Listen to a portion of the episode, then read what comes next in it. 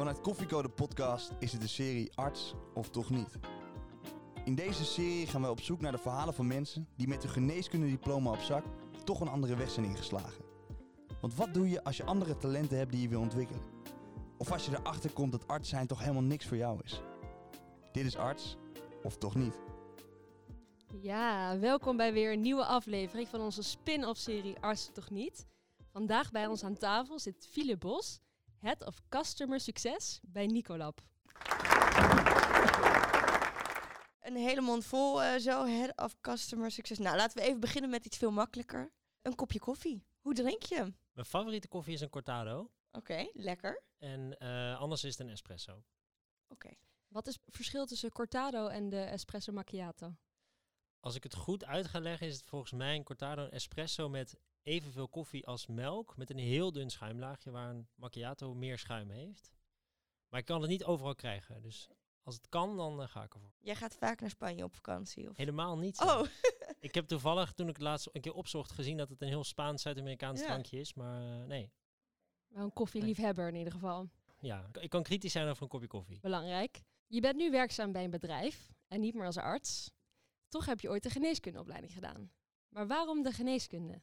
Allereerst denk ik de liefde voor het vak en de zorg. En ik denk als ik helemaal terug ga dat ik 17 was toen ik begon met studeren. Dus je kan me achteraf wel eens afvragen of ik toen al heel goed wist wat ik daarna wilde gaan doen. vrij jong, ja. Toen eh, was, was kindergeneeskunde het, hetgeen wat in ieder geval naar boven kwam. En ik kom uit een familie waar veel eh, artsen werken en mijn moeder verpleegkundige.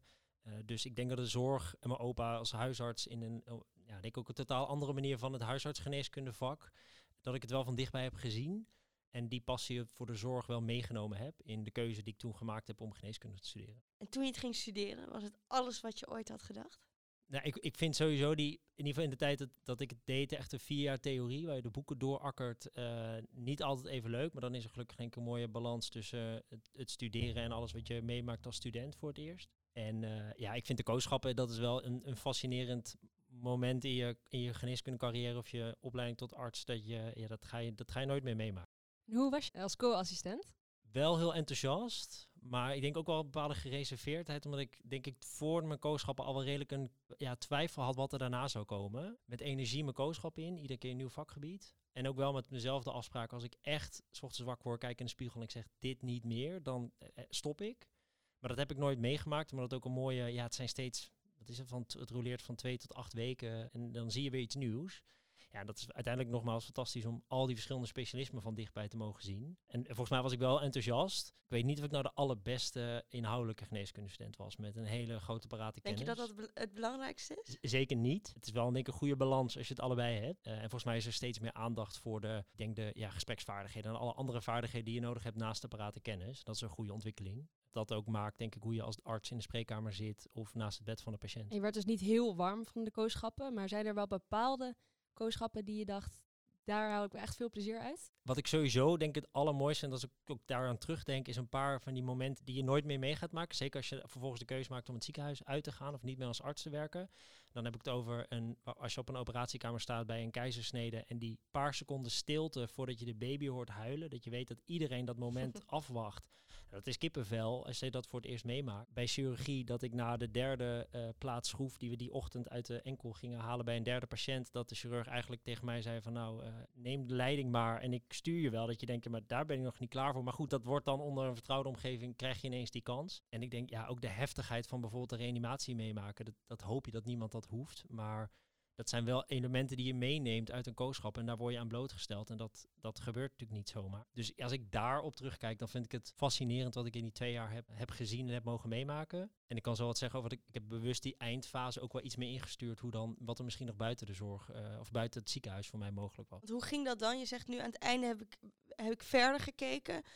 Waarom ben je dat gaan doen? Waarom? Ik denk dat ik al, wat ik zei voor mijn kooschap, twijfels begon te krijgen met het idee, wil ik, weet ik al wat voor specialisme en weet ik dan ook dat ik de rest van mijn carrière me daar verder in wil verdiepen.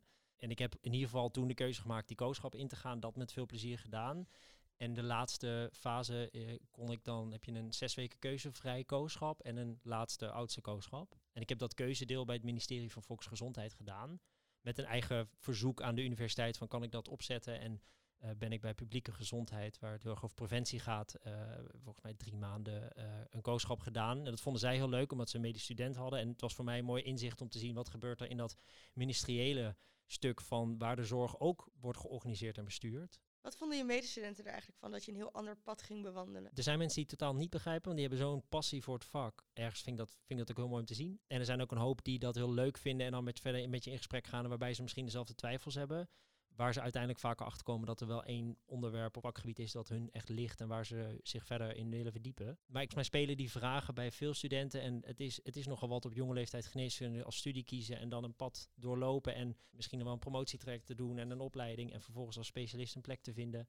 Uh, ja, het is, niet een hele makkelijke weg. Uh, en als je weet wat je wil, is dat denk ik ook de mooiste weg. Omdat je van de rest van je leven van die passie je, je werk mag maken. Ja. Maar het was niet jouw passie. Nee. nee, en dat... en was uh, dat het moment dat je erachter kwam... Ik vind dit veel leuker dan mijn reguliere kooschap. Ik wil misschien geen arts worden?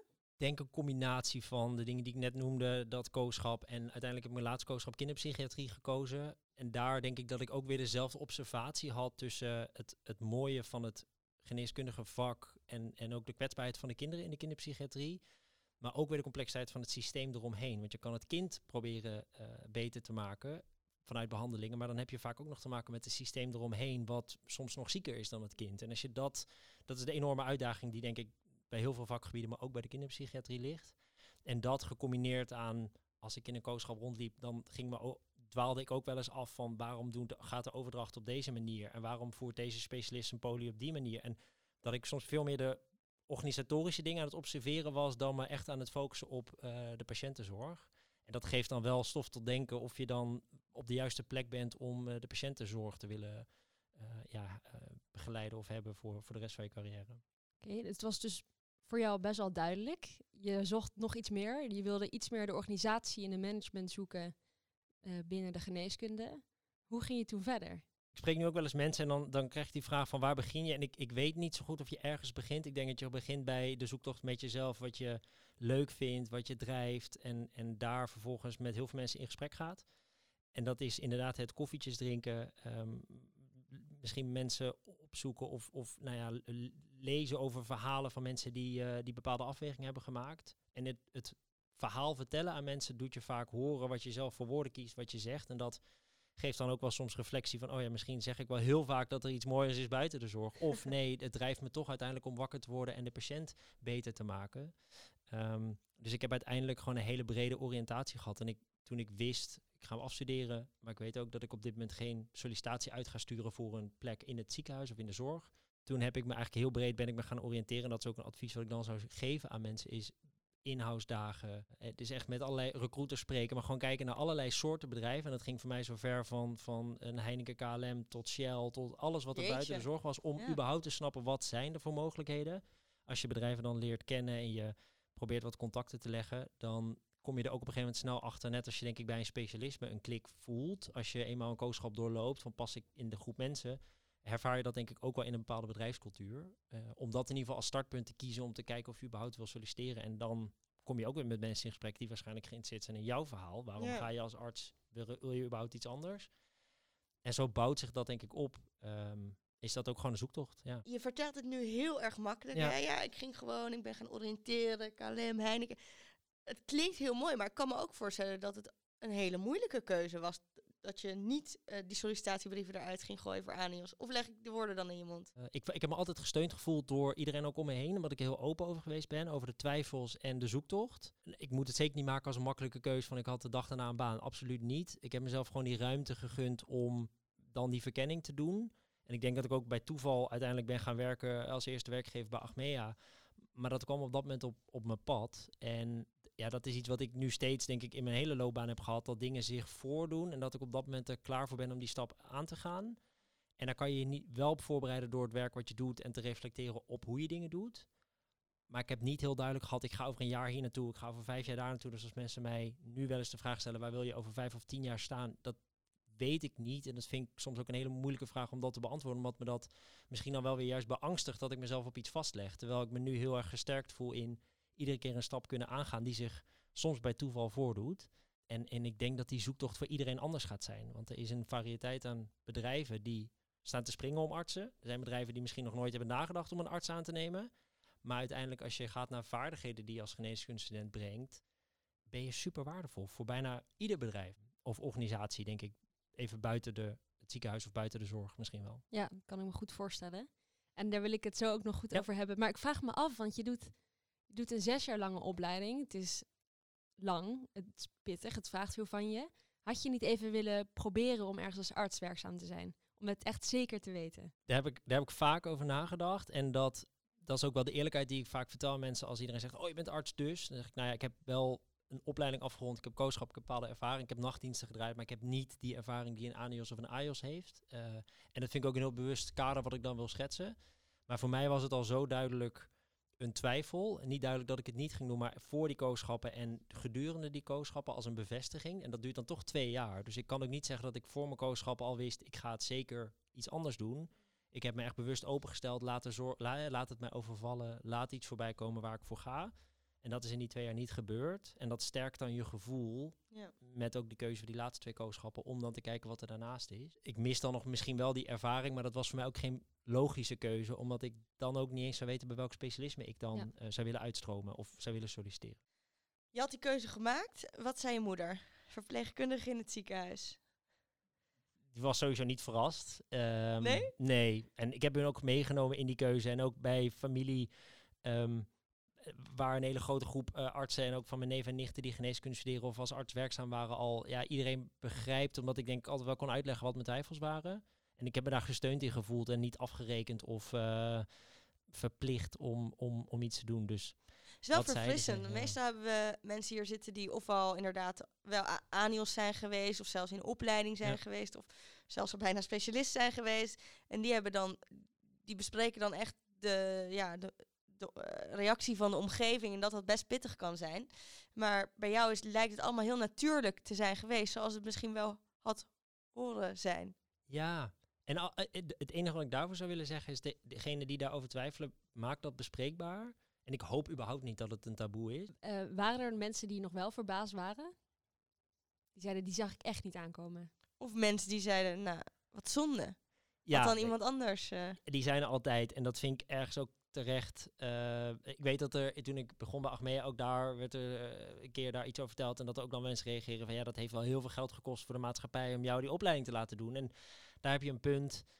En aan de andere kant ben ik heel blij dat ik juist mijn betrokkenheid voor de zorg die er is, is en altijd zal blijven, dat ik die nu in uitvoering kan brengen in hele andere rollen. En, en voor mij staat verbinding daarin centraal. En dat is misschien ook wel heel veel waard, dat ik die kennis en ervaring mee kan nemen. Ehm, dus ja, ik denk dat je die reacties altijd zal houden. Ehm, en dat, dat is ook weer goed, want dan hoor je het andere geluid. Misschien zijn je familie en vrienden wel veel te lief voor je en zeggen al wat goed, dat je, dat je ook niet het tegengeluid hoort. Dus dat hoort erbij, denk ik. ja, denk ik ook. Je hebt dus heel veel koffertjes gedronken, hè? Ja, En uiteindelijk was het koffertje de Cortado bij Achmea was het lekkerste. Zo, zoiets, ja, zoiets. Ik denk ja, dat, dat, dat ik de keuze daar gemaakt heb, is... Wat deed je daar eigenlijk? eh, ik ben begonnen als management trainee. En dat ging eigenlijk in de fase die ik net zei, noemde even een paar handvol bedrijven, maar ik ben in die zoektocht gegaan van, als je geneeskunde hebt gedaan, heb je een hele praktische opleiding gehad, je hebt heel veel medische kennis die je meeneemt en natuurlijk word je ook wel getraind in gespreksvaardigheden en dergelijke, maar daar hield mijn kennis dan ook wel op. En toen heb ik heel bewust gekeken van wat nou als je een traineeship gaat doen. Op dat moment waarin je in de eerste twee jaar van je carrière gewoon blootgesteld wordt aan allerlei verschillende opdrachten en projecten. En in die fase ging ik eigenlijk meer een soort voor. Ik ging kijken bij Achmea, omdat ik iemand kende die daar werkte. Zei, heel leuk om in ieder geval je sollicitatievoorbereidingen vorm te geven. En eigenlijk in dat proces dacht ik, ja, maar Achmea is zelf ook wel een heel mooi bedrijf. En er zit natuurlijk een grote tak vanuit de zorg, eh, Zilveren Kruis. En er was ook wel een bewuste keuze om juist niet me blind te staren op meteen een zorgbedrijf of organisatie. Omdat ik juist heel graag even wat los wilde weken van de zorg en heel veel andere dingen op mijn pad laten komen. En ook weer ervaren, is dat dan dat ik meteen de zorg weer mis? Of leer ik daar weer allerlei dingen die me gaan helpen om straks eh, ja, die verbinding mee te kunnen maken tussen het ziekenhuis of de, de zorg en andere eh, organisaties en partijen? Je had het eigenlijk gewoon heel goed doordacht allemaal, als ik het zo hoor. En was het toen uiteindelijk ook wat je ervan verwachtte, die eerste baan? Ja, goed doordacht. Ik denk achteraf is het altijd soms makkelijk reflecteren en het dan uitleggen hoe je, hoe je dat doet. Ehm, het was het zeker, omdat eh, wat ik daar de kans kreeg, is eigenlijk twee jaar werken en vier opdrachten en die stonden niet vast. Dus je kon, ik kon zelf bepalen, en dat trok me ook wel heel erg specifiek in dit traineeship, is dat je de kans kreeg om te zeggen, oké, binnen bedrijf als Achmea, dit wil ik leren. En dat kan dan heel bedrijfseconomisch zijn of kijken naar innovatie over, het ging dan toevallig over een deeleconomie als Airbnb en Peerby, waar mensen dingen delen, om dat dan te verzekeren. Nou, ik had niet heel veel kennis van verzekeren, ook niet van de hele financiële stromingen. En ga, maar aan de gang met je collega's en stel maar vragen en probeer maar te snappen wat je met elkaar wil bereiken. En ik heb een half jaar in Dublin mogen zitten. Ging ik pensioen- en levensverzekeringen, nou niet verkopen, maar daar was ik dan heel erg mee bezig. En een soort marktanalyse. Ja, uiteindelijk heb je geen idee waar te beginnen. Maar je kan, vind ik, heel mooi terugvallen. En dat is dan ook iets wat geneeskunst denk ik meenemen is... Je leert heel goed hoofdbijzaken scheiden. Je leert onder stress beslissingen maken. Je leert goed luisteren naar het verhaal van een ander. Uh, ik denk dat je ook wel getraind wordt om bepaalde vragen te stellen. En dat helpt je uiteindelijk in ieder werkzaam, iedere werkzaamheid die daarna gaat volgen. Um, en dan, daar vind je je weg in. Dus dat is denk ik überhaupt mooi dat je daar als geneeskundecentrum op terug kan vallen. Omdat je zo wordt getraind. En dan gaat het niet over de medische inhoud, wat mij betreft. Maar over inderdaad dat ook een overdracht aan iemand. Ik bedoel, dat moet je ook beklopt houden. Je moet dat, uh, je moet dat goed kunnen verwoorden. Ja, dat is niet wat heel veel mensen vanuit de schoolbank leren. En dan kan je heel veel weer bedrijfseconomische kennis hebben. Maar misschien is dat sociaal interactieve stuk wel nog veel belangrijker om uh, in een organisatie te kunnen functioneren. Ja, wel grappig dat je dat zegt, want Maren en ik voor dit interview zeiden we nog tegen elkaar... Het is het eigenlijk gek dat mensen die, die geneeskundediploma op zak hebben... gewoon zomaar bij elk bedrijf opeens kunnen bestarten. Daar hebben ze toch helemaal geen verstand van. Maar jij zegt dat dat gewoon kan, omdat we wel heel, heel veel andere skills vergaren ja. in zo'n studie. En ik denk dat dat voor mij überhaupt, als ik denk over mijn loopbaan tot nu mag kijken, is dat, je, dat ik juist op zoek ben naar het vergaren van die vaardigheden. Omdat als ik morgen ineens een eigen winkel zou hebben, wat heb ik daar dan voor nodig? En ik zeg niet dat ik dat ambieer of dat ik dat kan, maar ik denk wel dat ik terug kan vallen op bepaalde basisvaardigheden. En nogmaals, ik denk dat ik juist ook in die sollicitaties heb gemerkt, of het nou bij een consultiebedrijf is, of voor een traineeship, of voor een zorggerelateerde organisatie, in die sollicitatiegesprekken vragen ze naar juist dat soort thema's. Van wanneer heb je onder druk gestaan een beslissing moeten maken? Waar ook een stukje zelfreflectie, dat leer je in de geneeskundeopleiding natuurlijk ook. Het interactie met mensen die heel erg ziek zijn, het lot in, in je handen kunnen leggen. Of waar je ook heel directief soms moet zijn om uh, advies te geven. Of, of het nou over leefstijl gaat of andere zaken. Wat, um, je, je komt in zoveel stressvolle en spannende situaties terecht. En daar rust in bewaren en, en um, ja, hoofd- en bijzaken scheiden zijn hele basale vaardigheden die denk ik in een werkende leven altijd van pas komen. En dat kan gaan of je schoenen verkoopt, of je leidt een ziekenhuisbestuurder, of je bent, uh, denk ik, specialist. Daar komen allemaal van dit soort thema's uh, weer in terug. En in hoeverre merkte je dan dat jij verschilde van jouw mede-trainees die een andere achtergrond hadden? Ik denk, ik denk dat die vaardigheden wel naar voren komen, want dat wel, uh, ja, nou, dus daar word je denk ik gewoon iets meer aan blootgesteld in de, in de medische opleiding. Er zit een stukje leergierigheid, misschien wel omdat je weet dat je een, nou ja, niet een achterstand, maar je hebt gewoon een andere basiskennis. Was je wel eens onzeker? Omdat Ja. je niet diezelfde kennis had als zij op andere vlakken? Ja, en dat heeft ook echt wel even geduurd om met name eh, in zo'n bedrijf je, je, je weg te vinden. Ehm, en natuurlijk in het begin vinden mensen het heel interessant dat je arts bent, want het is iets anders en dan willen ze daar wat meer over weten. Maar uiteindelijk, als je moet gaan presteren, dan wilden ze natuurlijk ook wel dat je laat zien dat je dat dan kan. En daar loop je dan wel tegen je eigen grenzen aan, maar dan is het ook heel belangrijk om je hebt tijd om hulp te vragen. Had je in het begin niet zoiets, sorry, ik onderbreek je, Nee, maar nee, nee. had je in het begin niet zoiets van, oh shit, waar ben ik aan begonnen? Wat, wat, ik heb zin in die witte jas en... eh, Ja, het is, je- absoluut. Het, en, en nee, want de vrijheid was ineens fantastisch. Dat je zelf een beetje kan bepalen wanneer je, nou ja, laat ik zeggen, voor een deel begint met werken. En je hebt ineens heel veel ruimte om met elkaar te praten en te brainstormen. En in het ziekenhuis is alles gewoon heel erg afgestemd met een ochtendoverdracht en een avondoverdracht. En je, je wordt voor een deel geleefd. Ehm, dus die vrijheid vond ik heel prettig. En soms denk je wel, oh nee, het was daar wel gewoon heel erg afgekaderd en duidelijk wat van me verwacht werd. Ehm, maar dat is dan ook weer misschien het diepe waar je inspringt. En wat ik in ieder geval als heel leuk heb ervaren. Ik vraag me dan af, want als ik denk aan zorgverzekeraars, dan denk ik aan eh, dat je op je budget moet letten als arts en dat je niet te veel mag uitgeven en dat zij alleen maar geld willen maken. Hoe is dat om dat vanaf het andere perspectief te zien? Ja, eh, een leuke vraag. En ik kreeg meteen toen ik de switch maakte om bij een verzekeraar überhaupt als trainee te beginnen, eh, kreeg mijn vriendin in ieder geval het verwijt van you're sleeping with the enemy now.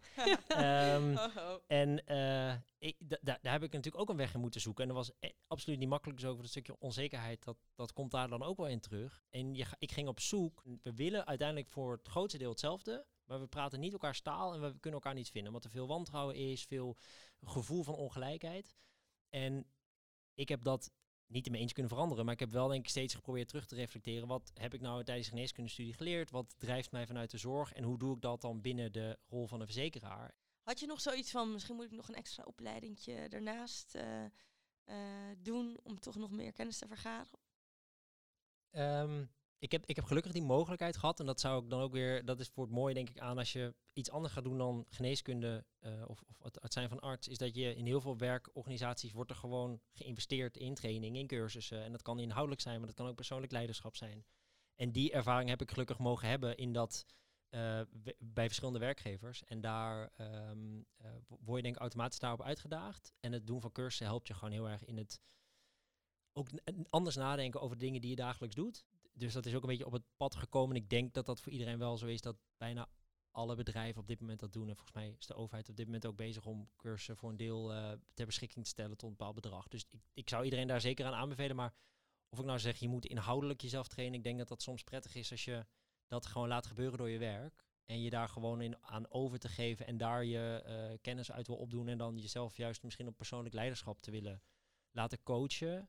Uh, want je loopt tegen al je grenzen aan. Ik bedoel, ik was ook teamleider van 20 mensen. En dan ben je dan relatief jong en je komt voor een groep en je denkt dat je het doet met de beste bedoelingen. Maar zo wordt dat niet door iedereen opgepikt. En je hebt twintig verschillende meningen. En ik vond dat een enorme confrontatie. Dat je denkt, maar ik probeer dit toch goed te doen. En we, we zijn toch met elkaar een team. Maar dan ja, heb je gewoon nog niet die ervaring en die bagage om dat dan te snappen. En uiteindelijk is dat heel belangrijk om op jezelf te reflecteren. Wat gebeurt er met mij? En, en, en daar werd dan gelukkig ook goed in begeleid. Door, door mijn baas, maar ook door een, een soort zijtraject vanuit een mentor. Maar dat zijn de mooiste ervaringen, vind ik, om tegen die muur aan te lopen. En echt nou ja, die kwetsbaarheid van ik weet helemaal niet hoe ik dit moet doen. Maar we komen er met elkaar wel uit. En, en ik denk dat dat misschien de moeilijkste fase in het werken was wat ik heb gehad. Maar ook wel de meest leerzame om te snappen waar je zelf ook nou ja, tekort schiet. Maar ook juist weer leert om het in, je, uh, in de toekomst anders of beter te kunnen doen. Hoe vond je, want je hoort toch vaak van de artsen, dit is een beroep waarbij je uh, je hebt een patiënt, je vindt, wat zijn, je vindt een diagnose, je behandelt hem en je bent klaar. Maar bij wat jij doet is het veel groter en het is niet echt, het heeft geen closure. Nee. Ja, projecten hebben dat dan, maar ook niet helemaal. En ik heb je toevallig laatst discussies, wat gesprekken met artsen over gehad, waarbij ik helemaal niet zeg dat hun werkdag zich eindigt. Want je neemt patiënten misschien voor een deel ook mee naar huis. Als je poli draait, wil je dat de dag daarvoor ook goed voorbereiden. Maar inderdaad heb ik soms het, het onaangenaam gevoel dat dingen zijn nooit af. Want er is altijd iets meer te doen. En, en in een bedrijf waar ik nu zit, waar het nog een beetje in de start-up, scale-up fase zit, is er zoveel werk voor zo weinig mensen dat je altijd iets nieuws kan aanpakken. En dat, uh, ja, daar moet ik heel erg proberen mijn eigen grenzen in te bewaken. Maar dat vind ik dan ook wel heel moeilijk. En dan is het, kan het prettig zijn dat je gewoon een dienst hebt die ophoudt en je verplicht naar huis gaat. En dat je dan op dat moment ook niet de controle hebt om naar dat bed van de patiënt te lopen om iets te doen. Um, dus nee, dat is, dat is lastig, maar vind dat soms ook wel juist heel prettig. Maar sowieso, alle onderwerpen die jij nu even voorbij uh, laat komen, dat zijn, als ik dit hoor, dan voel ik, voel ik bij mezelf alleen maar frustratie opkomen. Want gaan we dit allemaal ooit oplossen? Hoe kunnen we die zorg eindelijk beter maken? Hoe kunnen we zorgen dat ANIOS, AIOS ook cursussen kunnen volgen en dat daar meer geld voor vrijkomt? Ja. Het is ook best wel heel mooi dat die, dat ik denk een medical business en er best wel wat, organisaties die bezig zijn om die jonge geneeskundestudenten en jonge artsen denk ik te open te stellen en te, gewoon uh, ruimte te geven om dit soort thema's te, uh, op schaf te laten komen. Dus dat vind ik onwijs leuk dat dat gebeurt. En um, ja, frustratie, je wordt daar misschien ook heel flexibel en beter in als je langer in zo'n organisatie zit, van een hele grote uh, logge organisatie tot wat kleinere, je ziet en je ervaart gewoon dingen, dan worden dus ook misschien wat minder ja, uh, op, opgronden van als dingen anders lopen. En ik denk ook als arts dat je ook jammer genoeg niet altijd de controle hebt over wat je patiënt als advies navolgt. En dat je daar ook soms wil dat je iemand echt beter kan maken. En dat is ook niet helaas altijd mogelijk. Dat zal ook een bepaalde manier van frustratie waar je je eigen balans in moet vinden. Om dat dan niet mee naar huis te nemen. Ja, dat, dat, ik denk dat dat misschien ook wel gewoon heel erg aan het mensenleven gekoppeld. Uiteindelijk heb je je traineeship afgemaakt bij ja. Achmea, maar je werkt daar nu niet. Nee. Wat ben je daarna gaan doen dan? Dus ik, wat ik net zei, dat onderhandelijk, wat dat, dat, um, dat ik aan tafel zat als uh, ja, zorginkoper heette dat dan. Uh, dat heb ik daarna anderhalf jaar gedaan bij Zilveren Kruis. Dus ik ben uitgestroomd binnen de Zilveren Kruis organisatie. En dat deed ik met heel veel plezier. Uh, denk ik hopelijk wat ik net in ieder geval voor een deel liet blijken. En toen was het eigenlijk vrij onverwachts. En toen kwam mijn vriendin thuis die op dat moment promotieonderzoek deed in de acute interne geneeskunde. En na 2,5 jaar was dat onderzoek eigenlijk bijna afgerond. En stond dat, was ze ja, bezig met haar, uh, het prikken van haar datum. En toen begonnen er gesprekken te ontstaan tussen de VU en haar om te verkennen of ze interesse hebben om naar Singapore te gaan. Om daar een, brug te bouwen tussen de VU en een universiteit in Singapore om onderzoek te gaan doen. Omdat er veel geld en mogelijkheden in Singapore waren. Dat ze met dezelfde thema's als uh, veiligheid en patiëntenzorg en acute interne bezig waren om te kijken, kunnen we daarin samenwerken. En uh, ja, toen heb ik eigenlijk op me af laten komen en met haar gezegd van ja, laten we die uitdaging, laten we het gewoon doen. Het is een supermooi avontuur en wat het gaat brengen gaan we zien. En dat was best wel een grote keuze. Niet groter, denk ik, dan toen ik besloot niet in de geneeskunde verder te gaan. Maar ook daar weer uh, op dat moment besloten. Dit is een kans die ik denk ik nooit meer krijg. Want zijn met een, special, of een toekomstige specialist is vaak heel erg gebonden aan een ziekenhuis waar je straks, uh, hè, waar je partner straks komt te werken. En dit was een kans om nog naar het buitenland te gaan. Ja, toen begon eigenlijk weer opnieuw de zoektocht. Van wat ga ik dan doen? Want ik had, ik had geen baan. Ik heb mijn baan in Nederland opgezegd en ik ging mee. En we, ging, we gingen wel kijken hoe dat zich... Helemaal uh, blanco ging je erheen. Ja, en gelukkig hadden we een paar maanden om, om ons voor te bereiden. En uh, die tijd heb ik ook weer gebruikt om denk ik opnieuw die balans op te maken. Je gaat nadenken over wat heb ik dan tot nu toe gedaan? Waar werd ik blij van, waar werd ik niet blij van? Ook juist denk ik die, die verbindende rol tussen al die partijen waar je... En ik heb absoluut niet genoeg van de overheid gezien. Uh, een groot deel van de verzekeraar wel. Het medische veld van binnen. En je ziet dan dat er ook een hele grote partij op dit moment is. En dat is de medische industrie, die die zorginnovatie uh, faciliteert. Ja. En dat fascineerde me denk ik sowieso vanuit de technische kant. En, en eigenlijk was dat ook een mooi moment om stil te staan van... hé, hey, maar nu ik dit allemaal overzie, die, die kant ken ik alleen van, van, van ver af. Zijn daar mogelijkheden? En dan is denk ik Singapore een mooie plek... omdat dat voor de regio van Zuidoost-Azië een plek is... waar de meeste hoofdkantoren zitten. Dus eigenlijk zodoende ja, dan is LinkedIn een hele mooie uh, optie om eens bedrijfnamen in te gaan kijken. Wie ken ik, wie, waar. En uiteindelijk ben ik via wat andere mensen weer in contact gekomen met mensen die daar dan werkten voor uh, onder andere Philips en Medtronic, de grote spelers denk ik in de medisch-technische industrie. En vanuit daar ja, opnieuw het sollicitatieproces ingegaan en niet weten waar dat zou eindigen. En waar ben je geëindigd? Uiteindelijk bij Medtronic. Ik denk ook met de mooie ruimte dat er mijn baas op dat moment zat, die uh, mijn profiel onder ogen kreeg en eigenlijk dacht, dit lijkt me wel wat met het idee, deze jongen heeft heel veel verschillende ervaringen. En uh, na de gesprekken die we hadden, hadden we een duidelijke klik. En er lag niet een heel duidelijk afgebakend job description, als we dat noemen, of een, een, profiel voor me klaar. Maar hij zei eigenlijk, weet je wat, hij zat in de uh, hart en vaat en dan met name op de acute hartinfarcten, waar enorme uitdagingen in Zuidoost-Azië liggen en nog, nog steeds liggen en lagen. En hij had iemand nodig, denk ik, die ook vanuit die verschillende invalshoeken die pro problemen en projecten kon bekijken. Omdat het niet alleen ging om het verkopen van producten als, als een stand of een, of een ballon voor een dotterprocedure. Maar het gaat in die regio's veel verder. Hoe ga je die toegang tot zorg in rurale gebieden organiseren? Want hier in Nederland is het normaal dat je binnen 60 tot 90 minuten op de operatietafel ligt. Daar in bijvoorbeeld Vietnam kan het 6 tot 9 uur duren. En dat is dan een gemiddeld getal. En als er in Cambodja een ambulance voorkomt rijden, dan moet je hopen dat er een brancard in ligt. En er is vaak niet eens een zuurstoftank aanwezig. Dus ik denk dat zijn ambitie vooral was iemand hebben die wat meer verstand heeft, die wat breder gaat dan misschien alleen heel commercieel gedreven. Kan ons heel erg helpen in die zoektocht. En hij heeft uiteindelijk, denk ik, gewoon de, uh, ja, de ballen gehad, denk ik, om zo te zeggen, om mij aan te nemen. Uh, zonder dat we elkaar face-to-face ooit ontmoet hadden via een paar telefoongesprekken. En, in, um, en ik had hem ook nooit gezien, omdat hij had nooit zijn camera aan. Dus het was ook een hele rare setting dat mijn ouders ook zeiden, je gaat dan naar Singapore, je hebt je baas überhaupt nog nooit gezien. En wat gaat er dan gebeuren? Maar goed, dat is dan ook een mooie ervaring dat dat allemaal heel goed kan en heel normaal is. En, uh, je had er zin in? Ik had er super veel zin in. Ik vond het vooral het mooiste avontuur om met z'n tweeën die kant op te gaan. En je gaat gewoon een heel, ja, echt iets heel nieuws uh, aan. En we wisten dat het denk ik voor twee jaar ongeveer zou zijn. Misschien wat langer, misschien wat korter. Uh, omdat mijn vriendin dan weer een opleiding, uh, of in ieder geval zou solliciteren voor de opleiding. Dus dan is het ook een afge misschien ook wel een veilige, afgekaderde ervaring. En ja. als het niks zou worden, dan ga je de, av de, avontuur aan van wonen in het buitenland. En als het, wat dus wel bleek, een, een, een nou ja, succesformule, dan was het fantastisch om, uh, om in het buitenland te mogen wonen en werken en, en al die ervaringen mee te nemen. Ja. En wat was precies jouw functie dan bij Medtronic?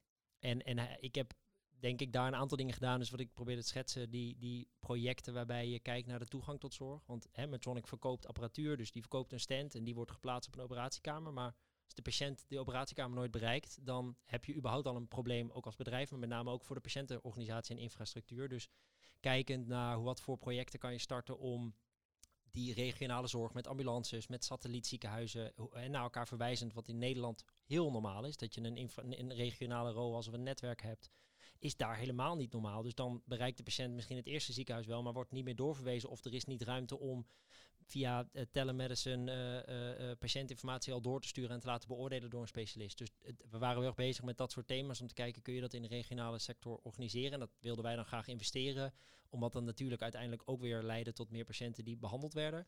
En mijn baas heeft ook gezegd, hier heb je een tas met, met producten, ga maar naar Cambodja en naar Guam, waar ik eerst niet wist waar het lag, eigenlijk tussen de Filipijnen en het, en het vasteland van Amerika aan de overkant van de oceaan ga er naartoe en uh, verkoop je producten maar. En zet maar een kanaal op met lokale distributeurs. En, en ga maar snappen wat artsen nodig hebben en wat je kan verkopen. En dan ja, liep ik natuurlijk enorm tegen mijn eigen grens aan. Ik, heb, ik had geen idee, echt geen idee. En dan is het ook heel, ja, dan kom je echt terug op een stukje kwetsbaarheid. Maar ook daarin als je dan jezelf blijft, dan vind je een weg. En ik heb daar echt niet uh, een mega commercieel succes van kunnen maken, want dat ben ik dan ook weer niet. Maar wel, denk ik, weer de verbinding gekeken. Wat heeft die arts nodig? En kan ik vragen stellen om te snappen wat hier het belang is?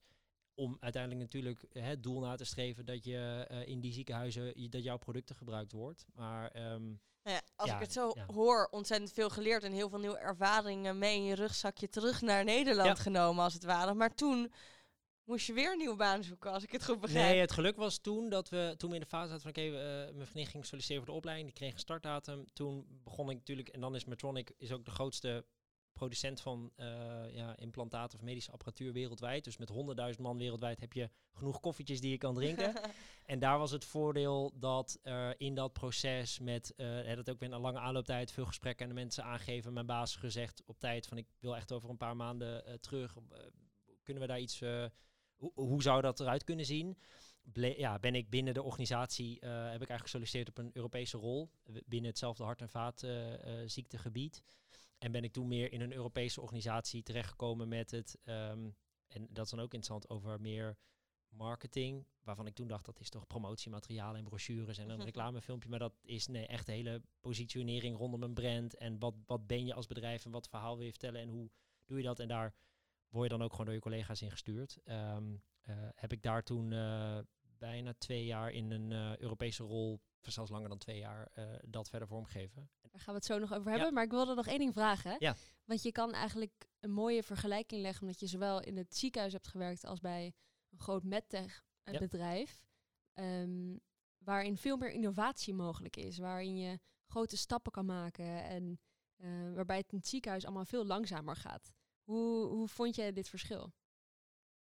Uiteindelijk zijn dat soort grote organisaties helaas ook extreem log. En, en een, een productinnovatie duurt soms vijf jaar van het eerste idee tot uiteindelijk het product op de markt. En dan heb je misschien juist vanuit het medische veld ook alweer heel veel mogelijkheden. En volgens mij ontstaan er steeds meer van dat soort verbindingen. En als artsen iets uh, goede ideeën hebben, kunnen ze dat denk ik ook tegenwoordig steeds vaker kwijt bij uh, andere bedrijven of startups om daar wat mee te gaan doen. Um, maar, maar denk de bureaucratie of de logheid of het idee van het is hier enorm stroperig, dat, dat is denk ik, heb ik overal wel ervaren. En daar moet je ook je eigen enthousiasme in de strijd gooien om dingen voor elkaar te krijgen. Dat gaat ook absoluut niet altijd. En daar moet je dan vooral heel veel vrede mee hebben, anders word je daar zelf, uh, heb je daar zelf het meeste last van. Goed om te weten dat ja. het toch anders zit dan. Uiteindelijk zat je, of struggelde je met het op je kamer zitten, ja. het, het menselijke contact wat je met collega's zo leuk vond. Dus ben je verder gaan zoeken. Ja, en ik denk, ja, dus ik ben verder gaan zoeken. Maar vooral weer echt je netwerk, kijken naar vacatures, met mensen praten, zien wat studiegenoten van je zijn gaan doen. En misschien ook al mensen die uit de zorg uh, gestroomd zijn of iets anders zijn gaan doen. Want je wilde nog steeds in de medische sector iets doen. Ja, en ik heb nog steeds, hè, dat hart voor de zorg is er, dat zal er altijd blijven. Dus ik voorzie ook wel dat dat in ieder geval uh, voor een groot deel van mijn leven uh, wil ik daar ook mijn, mijn tijd en energie in steken. Um, en het is eigenlijk, nou ja, het is geen toeval, maar het is denk ik toen op dat moment dat ik verder aan het zoeken was en een aantal gesprekken voerde, dat ik benaderd werd door iemand die uh, op zoek was voor uh, iemand voor Nicolab.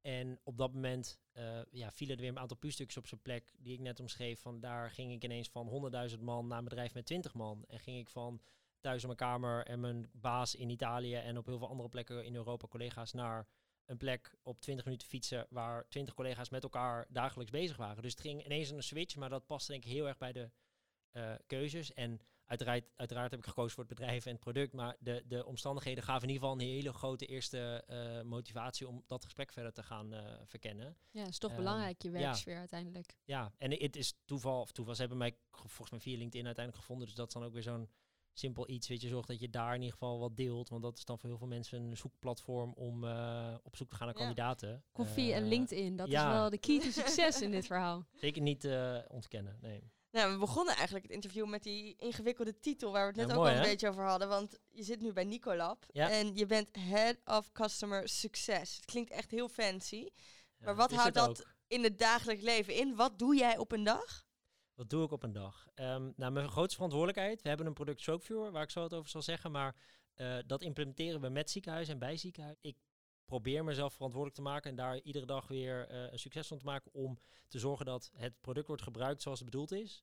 En dat daar artsen eh, de efficiëntie en de effectiviteit van uit kunnen halen. En dat het ook voor ons dus een effectief product is wat we aan ziekenhuizen kunnen aanbieden. Maar waar we ook iedere dag weer leren van wat een gebruiker daadwerkelijk doet met in dit geval eh, software, om het steeds te kunnen verbeteren en ook weer te innoveren. Eh, omdat daar denk ik de tijdslijnen veel sneller kunnen zijn dan dat je het hebt over een, een, een materiaal wat je ontwikkelt, wat door allerlei fases heen gaat, is dat met software eh, sneller te innoveren en aan te passen. En Nicolab, die ontwikkelt dus deze software. Dat Ja. is wat jullie doen. Dus Nicolab is een, een, een nou ja, het is denk ik nu de fase van een scale-up aan het worden. Eh, een bedrijf wat ehm, begonnen is vanuit met name medische wetenschap, Mr. Clean studie, wat eh, mensen in de, denk ik, neurologie en neuroradiologie wil zal zeggen, waar eh gaat allemaal rom- rondom be- beroertezorg. En dan bekende slogan is time is brain. Dus die beroertepatiënten moeten zo snel mogelijk worden behandeld. En dan moet diagnostiek plaatsvinden, maar ook de juiste behandeling worden geselecteerd en gekozen. En wat eigenlijk denk de oprichters van het bedrijf gemerkt hebben, dat je met zoveel verschillende partijen samenwerkt. Dus de neuroloog, de radioloog, de neurointerventieradioloog. En dan heb je het niet eens over ambulance en verpleegkundigen en iedereen die daar nog meer mee te maken heeft. En zelfs in een land als Nederland, hoe complex het soms is om patiëntinformatie van het ene ziekenhuis naar het andere ziekenhuis te krijgen, waar niet ieder ziekenhuis alle behandelingen aanbiedt. Dus soms moet de patiënt eh, verplaatst worden. En dan wil je dat die informatie zo snel en zo veilig mogelijk wordt verstuurd, maar dat iedereen ook naar dezelfde informatie kijkt, eigenlijk op een uniforme manier, waardoor je overdracht kan structureren en waar je dus ook met elkaar, ehm, nou ja, denk op dat moment de beste zorgbeslissing kan maken. En ehm, wat Nicolab eigenlijk met StrokeViewer heeft ontwikkeld als een, ja, het is software, het is bijna een infrastructuur een platform, is aan de ene kant dat platform waar je op een veilige manier beelden kan uitwisselen, waar je kan samenwerken, waar je beelden kan delen, waar je patiëntinformatie kan inzien. Ehm, eh, wat dus heel erg dat proces van samenwerking en communicatie eigenlijk v- versoepelt, omdat je dus met zoveel verschillende partijen te maken hebt. En daarbij eh, bieden we een aantal algoritmes aan die helpen met het vinden of detecteren van een, eh, een beroerte of een, of een verstopping van het bloedvat. En daar vallen dan nog een aantal aanvullende algoritmes onder die eh, wat het blote oog soms niet kan weergeven, is bijvoorbeeld het, je collateralen in je hersenen of eh, het, het uitlezen van een CT-perfusie, waar dan vaak technische laboranten mee bezig zijn om dat vorm te geven. Dat helpt dan ook met de software. Waardoor je dus ook weer in dat regionale netwerk kijkt naar dezelfde informatie. Wat helpt om een beslissing te maken wat je met de patiënt doet. Of die bijvoorbeeld wordt ingestuurd om, een, eh, om de bloedprop uit, eh, uit de hersenen te halen. Maar wat leuk, dus het is ja. zo, stel ik me het dan zo goed voor. Iemand heeft een beroerte en wordt aangemeld, meestal hoe dat gaat Ja. op de spoed. En dat ziekenhuis heeft eh stro Strokeviewer. strokeviewer. Dat andere ziekenhuis ook. Of nou, Ja. de ambulancepersoneel heeft dat ook. Die opent dat. En iedereen kan gewoon bij alle informatie over die patiënt. Ja, dus zo snel dat de patiënt. Hè, we, zijn nog veel verder bezig om eigenlijk ook al in die ambulancefase te kijken wat je daar kan toevoegen. Maar op dit moment, zodra de CT-scan wordt gemaakt, en dan heb je vaak over drie soorten scans: een blanco CT, een CT met eh, contrastvloeistof en een CT-perfusie. Zodra die allemaal gemaakt worden, worden die eh, zowel in het ziekenhuis natuurlijk gedraaid en radioloog kan kijken, maar er wordt ook een, een, een versie naar de cloud gestuurd. Want het is allemaal, we installeren ook niks. Het is een applicatie op de telefoon die je ook op de computer kan bekijken. Maar het wordt naar de cloud gestuurd en daar wordt natuurlijk dan door het algoritme wat er allemaal voor bevindingen zijn. Of er een bloeding is, of dat er inderdaad een verstopping is. En dus een aantal andere criteria die worden gescoord door, door de computer. En dat wordt teruggestuurd naar het systeem. Dus de arts kan altijd in zijn werkproces kijken naar al die beelden. Maar dat wordt volgens ook op die applicatie weergegeven. En je kan dus met elkaar in die applicatie naar diezelfde informatie kijken. En het allermooiste is zodra je als ziekenhuis niet de patiënt kan behandelen door een trombectomie, wat je niet op dat moment kan aanbieden, wil je die patiënt doorsturen. Dus je belt een ambulance en die patiënt is al onderweg. Maar je wil eigenlijk al die beelden die je hebt gemaakt en de keuzes wil je ook aan doorsturen. En nu gaat dat dan. Ieder ziekenhuis werkt met nog met een ander systeem. En voorheen gingen patiënten met een cd'tje op hun borst Ja. nog in de, in de ambulance. Gebeurt Hier nog, is het één Ja. druk op de knop en eigenlijk binnen drie, vier seconden zijn al die beelden, hè, of in ieder geval Wauw. binnen eh, luttele seconden zijn die beelden in het andere ziekenhuis. En die eh, ontvangende specialist kan die beelden inzien, kan eigenlijk alvast een procedure gaan voorbereiden, kan de hele vasculatuur van het brein in 3D weergeven. Dit is cool, Dus- zeg. Ja. Wow. Het is een stukje waar je probeert dat samen te werken, eh, eh, te, te, ja, functione- dat zo, zo functioneel mogelijk te maken. Eh, en we hebben allerlei innovaties van wat we over een half jaar, een jaar en over drie jaar op de markt willen brengen om Ja. dit nog veel en efficiënter, maar ook nog, we zijn echt bezig om inzichten te genereren die eigenlijk het blote oog niet kan, om te kijken kunnen we daarmee dus door middel van ook eh, een computer eh, artsen helpen in het maken van keuzes, van behandelplannen tot de meest effectieve behandeling toe te passen. Daar zit natuurlijk heel veel onderzoek en zo aan vast. Het is echt Ehm, vet. Je, je ja. kijken waar een probleem is binnen de zorg. En door middel van technologie proberen dat op te lossen. Ja. Het is gewoon de toekomst. Ja, maar en wat, ik, wat leuk hier, ja, we- je merkt, wij worden meteen enthousiaster. Ik denk ook, waarom, denk ik, bij de, bij de vorige baan die je beschreef, is het veel grootschaliger en eh, de oplossing ligt veel verder weg. Terwijl als je dit vertelt, dan zie ik meteen dat het al toegepast wordt of makkelijk toe te passen is en je hebt direct resultaat. Vind jij dit zelf ook meer, eh, hoe zeg je dat, satisfying? Bevredigend. Bevredigend. Ja. Vind je dat ook? Absoluut. What's the Dutch word? Zeker. En het is ook zo mooi dat hè, het, het, ik, het klinkt, het is, het is een fantastisch product, eh, het is effectief. En het is soms ook gewoon nog steeds heel moeilijk om te zorgen dat het zo gebruiksvriendelijk mogelijk is. Want je wil dat de arts op het moment dat hij die patiënt ziet of moet beoordelen, niet allerlei extra handelingen hoeft te doen. Dus eigenlijk dat hij niet uit zijn werkproces wat hij gewend is hoeft te stappen.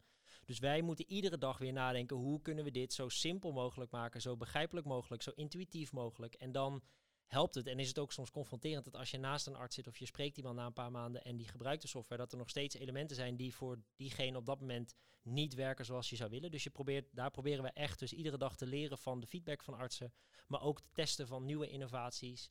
Ehm, omdat je uiteindelijk wil zorgen dat het voor die patiënt, eh, die moet zo snel mogelijk de juiste behandeling krijgen. En je wil zorgen dat die arts eigenlijk op ieder moment bij wijze van baalt als de software niet werkt, omdat hij daar zoveel profijt van heeft. Dus daar werken we naartoe. Ehm, en dat is denk ik een never-ending story. Benaderen jullie zelf de ziekenhuizen of komen ziekenhuizen ook naar jullie toe? We hebben een probleem. Hoe kunnen we dit oplossen? Het is denk ik tweeledig. Ehm, ervaring leert ook wel dat soms moet je dingen laten zien om het probleem te erkennen. En het is denk ik ook weer een hele mooie kracht van ons of uitdaging om de juiste vragen te stellen. Want ik denk als je veel ziekenhuizen kijken natuurlijk vaak ook naar hun eigen werkproces. Dat doen ze zo goed en zo efficiënt mogelijk met de kennis die ze op dat moment hebben. Als je dan een paar vragen stelt van waar loop je tegenaan, dan komen er vaak wel thema's naar boven die heel generiek zijn, maar waar je inderdaad zegt, ja, maar daar kunnen we je ondersteunen. En het is denk ik een beetje, niet iedereen weet altijd even goed waar zijn eigen verbeterpunten liggen, totdat je het eh, inzichtelijk maakt. En soms de doorlooptijden laat zien van hoe lang het duurt van een patiënt van überhaupt ziekenhuis 1 naar ziekenhuis eh, A naar B rijden. Of in het ziekenhuis al die stappen van, van de scanner naar de operatiekamer en alle tijd die daar verloren gaat. Daarin eh, dingen inzichtelijk maken legt soms de pijnpunten bloot. En dan pas is het inzichtelijk dat ze ook echt iets hebben aan een ondersteuning. Terwijl als je het van tevoren zou vragen van, hey, wil je stroke viewer hebben? Zullen ze misschien zeggen, ja, maar dat hebben we niet nodig, want we doen het al fantastisch. Nog een extra programma erbij, denk ze. Ja, dat, dat is ook terecht. We moeten gewoon zorgen dat we daarin, en met name IT van het ziekenhuis is een van onze belangrijkste stakeholders en partijen, die zien ons weer aankomen van weer een partij die iets in mijn eh, infrastructuur wil inbouwen. Ja. En daar hebben we heel bewust gekozen voor. Dus we gaan niks installeren, we gaan geen kastje of iets meenemen. We doen alles via een cloudverbinding, waardoor het absoluut veilig is, maar dus ook veel efficiënter en makkelijker is in te richten en altijd eh, up-to-date is. Wat ik leuk vind is dat we in deze aflevering van Artsen toch niet voor de eerste keer echt heel verschillende soorten banen hebben kunnen bespreken. Heel Ja. veel mogelijkheden, ook voor de twijfelaars die luisteren. Dat vond Waarvan je niet eens wist dat het bestond. Nee, echt ontzettend veel geleerd. En dan, dan rest mij die ene vraag in mijn hoofd van wat gebeurt er eigenlijk nu nog als jij het ziekenhuis binnenloopt?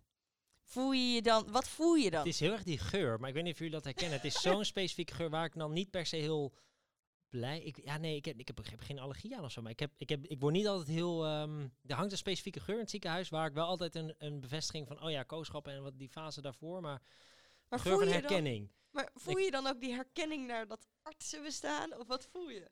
Eh, nou, nee, dat durf ik niet zo te zeggen. En ik denk dat er altijd een voorbeeld is wat ik meedragen waar eh, eh, ik twee ja, momenten zijn geweest dat ik op een vlucht, in de, of in de lucht op een, op een vlucht zat. En dan gebeurt het natuurlijk wel eens clichématig dat er iemand onwel wordt. En wat gebeurt er dan? Hè? Dan gaat de vraag, is er een dokter aan boord? Nou, ik moet zeggen, twee keer was ik blij dat ik met mijn vriendin in het vliegtuig zat. en zij, de eerste keer was ik überhaupt in slaap gevallen en werd ik wakker toen zij terugkwam. Toen vroeg ik, oh, ben je naar de wc geweest of wat was er? Ze zei, nee, nee, ik heb net iemand eh, opgevangen voorin en ik ben drie uur bezig geweest. Helemaal gemist. Nou, gelukkig, denk ik maar. Ehm, en een andere keer dat we uiteindelijk allebei wakker waren en dat nou ja, zij zich absoluut geroepen voelde. En dan begint bij mij ook al het gevoel te bekruipen, ben ik nu in staat om de juiste zorg of handelingen te leveren? En gezien dat, nou, het is toch al een tijd terug dat ik mijn BIG-registratie heb ge, ge, eh, gehaald. En eh, die is ondertussen ook verlopen. Maar dan voelt, bekruipt mij wel meteen het gevoel, nee, ik wil hier niet nu naar voren stappen als de arts die hier alles weet. Of die hier precies de juiste zorgoverwegingen of beslissingen kan maken. Dus in dat geval zijn we er samen naartoe gegaan en heb ik bijna meer het psychologische consult gedaan en de patiënt gerustgesteld. Dat is uh, nogmaals bevestigd voor mij dat ik de juiste keuze heb gemaakt om um, niet in het ziekenhuis of een specialisme te kiezen. Maar dat ik wel echt een hart voor de zorg heb en dat op dat moment ik ook gewoon ja, gepassioneerd kijken naar alle mensen die die patiënt op dat moment of die meneer uh, kunnen helpen. En uh, dat ik daar op een iets andere manier een rol aan kan hebben, is, ja. vind ik ook heel mooi. En daar heb ik absoluut, ja, dat is heel veel voldoening gegeven. Ja, en ook dat het, dat het misschien wel het moment was van inderdaad, ik heb de goede keuze gemaakt. Ook al wist ja. je dat al heel lang. Nog één korte vraag. Ja. Waar zie je jezelf over tien jaar? Ja, ik zou alleen maar het antwoord dat ik alleen kan geven is in de zorg. Uh, in, in ergens in het systeem. Uh, en misschien wel um, gewoon nog steeds op de plek waar ik nu zit. En is dat customer succes uitgegroeid tot iets uh, nog veel groters. en is, ik denk dat wij op termijn ook wel nadenken over nog andere ziektebeelden waar hier acute beslissingen en, en processen nodig zijn. Dus bij Nicolab is er nog een enorm grote uitdaging en potentie. Dus laat ik zeggen daar. en tien jaar is ver weg. Dus er kan van alles gebeuren. Maar ik denk als ik in de zorg zet, dan uh, in de zorg zeg, dan uh, zit ik warm. Mooi dat de zorg in ieder geval nog een centrale rol blijft spelen in jouw ja. beroep. Ja. Dan gaan we nu helaas het einde naderen van het interview. Maar voordat we dat uh, doen, was ik nog benieuwd wat jij de toekomstige, eventueel twijfelende dokter zou willen meegeven. Ja, ik denk als ik gewoon de dingen die ik zelf, waar ik zelf steeds op terugval, is hè, twijfel niet aan jezelf, maar val terug op de ervaringen die je opgedaan hebt en de vaardigheden die je hebt. En dat kan niet heel iets anders zijn dan dingen die ik omschreef die je als arts in opleiding of als geneeskundestudent leert. Maar probeer te kijken naar een brede uh, kijk op jezelf, hoe je als mens bent. Um, en, en ja, deel het vooral met je omgeving. En, en drink kopjes koffie, maar praat met mensen, zoek ze op. Uh, of via jullie netwerk om juist gewoon van mensen te horen wat voor proces maken ze door. Misschien heb ik daar vandaag iets over kunnen delen.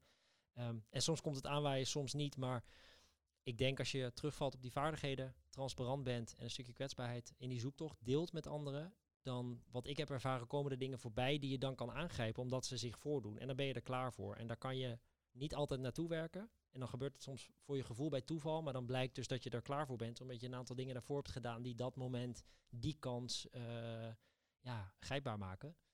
Um, dus ja, ik denk dat dat probeer daar niet veel aan te twijfelen. En er is zoveel mooi werk te doen voor iedereen. Mooi. Ja. Heel mooi. De allerlaatste vraag van het interview, die eindigt altijd hetzelfde bij arts of toch niet. Uh, en die luidt als volgt. Met de kennis en ervaring die je nu hebt, die je net allemaal met ons hebt gedeeld. Uh, als je dan opnieuw zou mogen kiezen, ben je dan arts of toch niet?